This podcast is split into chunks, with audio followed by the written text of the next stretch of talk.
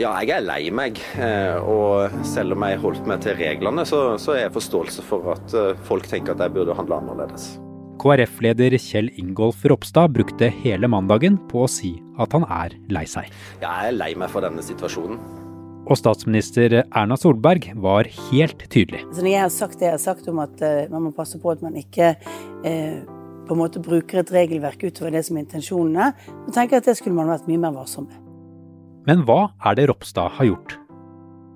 Vel, lederen i Kristelig Folkeparti er en av de som ikke flyttet ut fra gutterommet hjemme hos mor og far før i midten av 30-årene. I hvert fall ikke offisielt. Og det er det flere som reagerer på. Ja, Det er vel nesten en unison fordømmelse av den måten Ropstad har eh, ordnet seg på i denne saken. Nå kan gutterommet til Ropstad ha skaffet ham skikkelig trøbbel. Du hører på Forklart, og jeg heter Andreas Bakke Foss. I dag er det onsdag 8. september. Hyggelig at du trykket på play.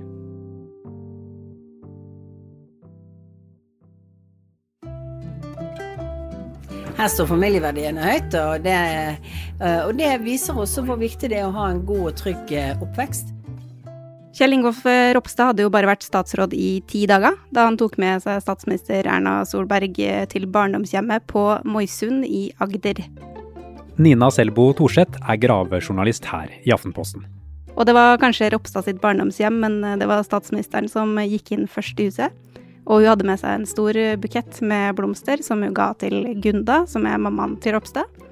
Og faren eh, Bjørn han eh, var mangeårig ordfører i Evje og Hornnes kommune, så det var aldri noe pinlig stillhet i møte med statsministeren. Nei, hun lovte jo så mye til meg nå, så det det. Det var god stemning mellom bilder fra barndommen og oppveksten til Ropstad i Indre Agder. Men det Erna Solberg ikke visste da, var at hun egentlig ikke bare var på besøk hos Ropstads foreldre. Hun var hjemme hos Kjell Ingolf Ropstad også. I hvert fall på papiret. Søndag kveld kunne Aftenposten avsløre at partilederen ikke meldte flytting hjemmefra før i november i fjor. Dette til tross for at han har eid halvparten av en tomannsbolig en drøy halvtime fra Oslo. På denne måten så har sørlendingen sikret seg gratis bolig i hovedstaden i ti år. Og regningen, den har gått til Stortinget. Siden eh, forrige stortingsvalg, egentlig, 2017, så har jo vi i pressen brukt mye ressurser på å ettergå politikernes bruk av penger og frynsegoder. Mange husker kanskje Aftenpostens avsløringer om de falske reiseregningene. Men det er ett gode ingen egentlig har undersøkt, og det er bruken av stortingsleilighetene, eller de såkalte pendlerboligene, som de også kalles. Stortinget eier til sammen 143 leiligheter i Oslo. Disse deles ut til folkevalgte fra f.eks. Sørlandet, Vestlandet eller Nord-Norge, som pendler mellom hjemstedet sitt og Stortinget. For å få en slik bolig så stilles det ett enkelt krav. Politikeren må være folkeregistrert eller faktisk bosatt et godt stykke unna Stortinget. Grensen som er satt, går ved 40 km. Og det vil si at politikere som f.eks. bor på Kløfta, i Ski eller i utkanten av Drammen, ikke har rett til å få dekket bolig i Oslo. Vi hadde fått et tips, og tipser mente at vi burde sjekke Ropstad, men vi visste ikke da hva vi kom til å finne. Uh, og med et så vagt uh, tips er det litt vanskelig å vite hvor man skal begynne, men vi journalister har jo tilgang til folkeregisteret og eiendomsregisteret og skattelistene. Og vi kan også be om innsyn i dokumentasjon fra f.eks. Stortinget og de ulike departementene. Og i um, folkeregisteret så så vi at uh, Kjell Ingolf Ropstad hadde meldt flytting til Oslo kommune på senhøsten i fjor. Og før det så hadde han bare hatt én annen adresse i hele sitt liv, og det var i barndomshjemmet på Moisund. Og først så tenkte jeg at uh, det her kan jo ikke være lov. Uh, da jeg flytta til Oslo for å begynne å jobbe i Aftenposten, så hadde jeg plikt til å melde flytting innen åtte dager. Det må man jo gjøre bl.a. fordi man skal skatte til riktig kommune. Uh, men så er jo ikke jeg politiker, og det er en del unntak for de som sitter på Stortinget. Så vi brukte en del tid på å finne ut av regelverket her, og det viser seg at det finnes et sånt unntak fra 1997 som slo fast at stortingspolitikere kan være folkeregistrert på gutterommet, så lenge de kan disponere barndomshjemmet, og ikke er avhengig av at foreldrene sier ja hver gang de skal hjem. Så sånn sett var saken grei, men det som gjorde at vi gravde videre, var det vi fant i eiendomsregisteret. Ja, og hva var det dere fant der?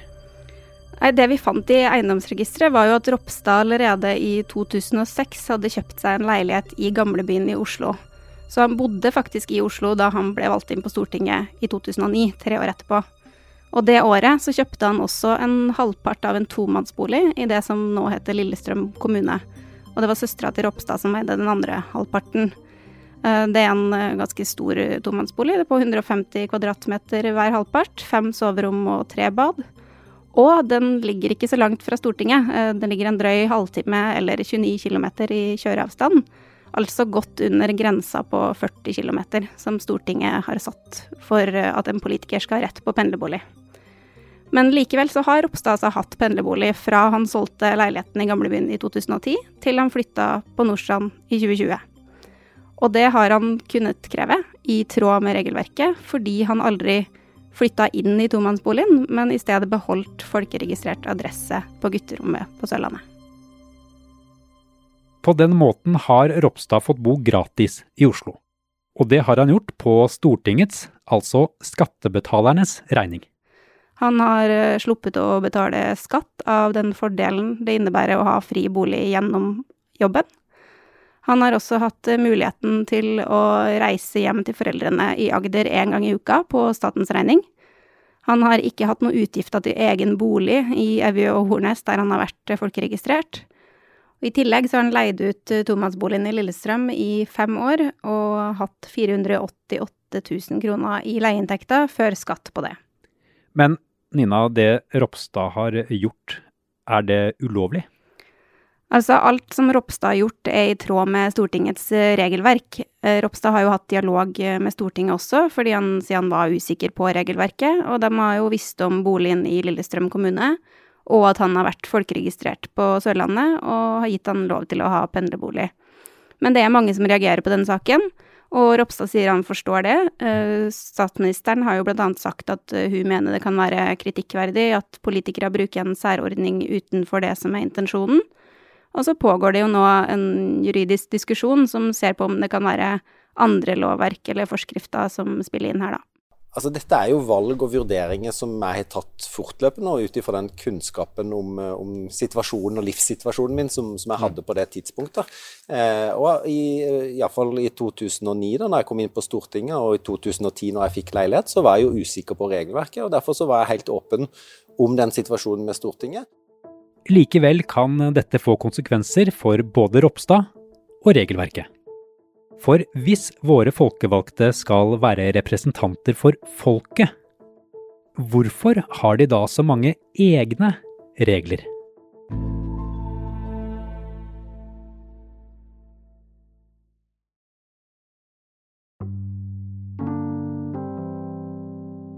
Vi har jo intervjua Ropstad om denne saken. Eh, han forklarer at han ikke meldte flytting fra foreldrene fordi han ønska å beholde sin tilhørighet eh, på Sørlandet.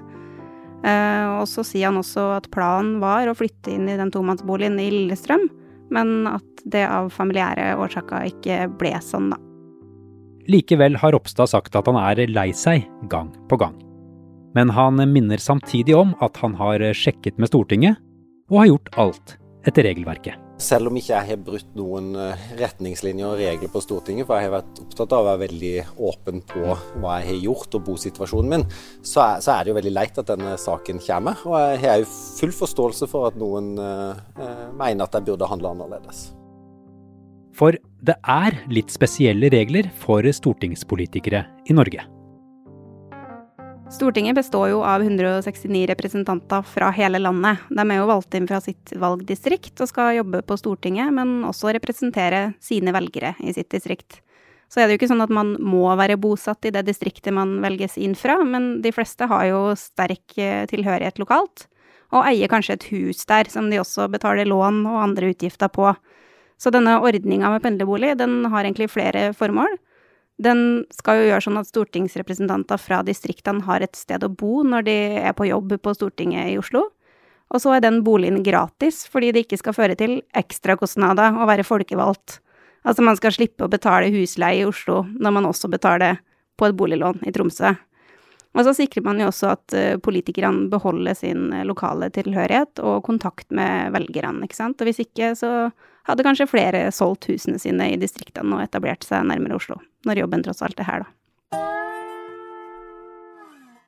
Andreas Slettholm er kommentator her i Aftenposten, og han har ingen problemer med å forstå de sterke reaksjonene de siste dagene.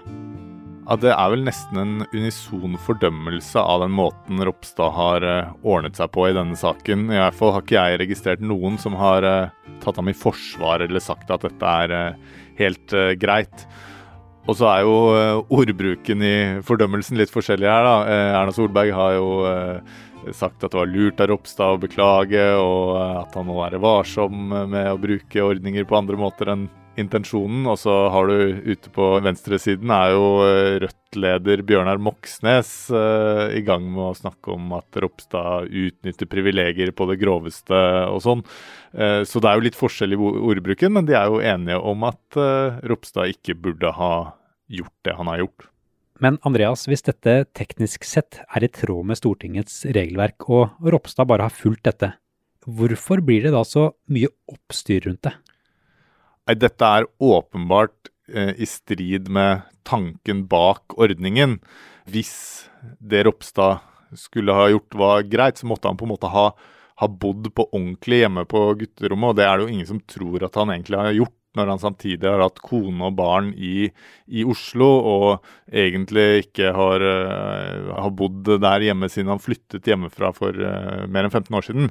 Uh, sånn at selv om man godt kan tro da, på at Ropstad ikke har gjort dette først og fremst med et sånt økonomisk motiv, han, han forklarer jo mer eller mindre at det, det, det, bare ble sånn, at han hadde en tanke om å dra tilbake, kanskje bosette seg i Agder igjen, men så tok politikken han, og så tok livet han med kone og barn osv., så, videre, så har han jo vært helt klar over hvilken økonomisk effekt disse valgene ville ta, og at han eh, kommer veldig gunstig ut av det eh, økonomisk. Hva kan konsekvensene bli for eh, Kjell Ingolf Ropstad nå? Bortsett fra at han eh, nå får en svært eh, vanskelig sak og en eh, offentlig stor ripe i lakken, så tror jeg ikke det får noen sånne direkte konsekvenser uh, for ham. Det har ikke vært noen som har på en måte krevd hans avgang, verken som partileder eller statsråd. Og det vil jo også være veldig uh, vanskelig uh, noen dager før et valg å skulle sette i gang en sånn her prosess. Og så tror jeg også det er vanskelig å se for seg en sånn her tilbakebetalingskrav prosess her. Dette er jo tross alt en måte å ordne seg på som Stortinget har godkjent, og han har vært helt åpen med alle forholdene her. Sånn at uh, det ville jo vært litt urimelig etter mitt syn å nå kreve at han skulle betale tilbake det som sikkert beløper seg til mange hundre tusen kroner. Kjell Ingolf Ropstad ser ut til å være den eneste statsråden eller partilederen som har brukt systemet på denne måten. At han har eid en egen bolig i Oslo-området, samtidig som han har bodd gratis i en pendlerbolig. Men uansett hva som til slutt blir konsekvensene av denne saken, så er det én ting som kan bli endret. Regelverket. Nei, Jeg ser jo flere nå sier at det er naturlig med en gjennomgang her. Vi skal jo huske på at uh, tanken bak denne ordningen er jo veldig god. Det, skal, det er mange stortingsrepresentanter som har Eh, familie og et liv andre steder, eh, og vil eh, trenge midlertidig bolig i Oslo. Men så er det jo en del sånne folk da, som Ropstad, andre som i praksis bor i Oslo når de blir valgt inn. Og der er det kanskje naturlig å gå opp en, en løype for regelverket. Men så henger det også sammen med både kontrollen og praktiseringen av regelverket også. Og det er kanskje først og fremst der jeg tror at man må stramme litt inn. Men generelt, Andreas, er det sånn at stortingspolitikere rett og slett har for mange fordeler? Jeg vil svare nei på det spørsmålet. disse ulike særordningene for stortingspolitikere, da, enten det er snakk om eh, pensjon, pendlerbolig, reisegodtgjørelser, etterlønn eh, og et høyt lønnsnivå, de, eh, de, har gode begrunnelser. Det er en veldig spesiell rolle å være stortingsrepresentant, og det er viktig for demokratiet at eh, det skal være mulig å, å være stortingsrepresentant uh, uten å f.eks. måtte kjøpe seg en bolig i Oslo, eller, eller, få for store utgifter til hjemreiser, sånn at du ikke kan påta deg verv. Det som er problemet i disse sakene, det er at uh, kontrollen ikke har vært god nok, og regelverket ikke har vært tydelig nok for å unngå misbruk av disse ordningene.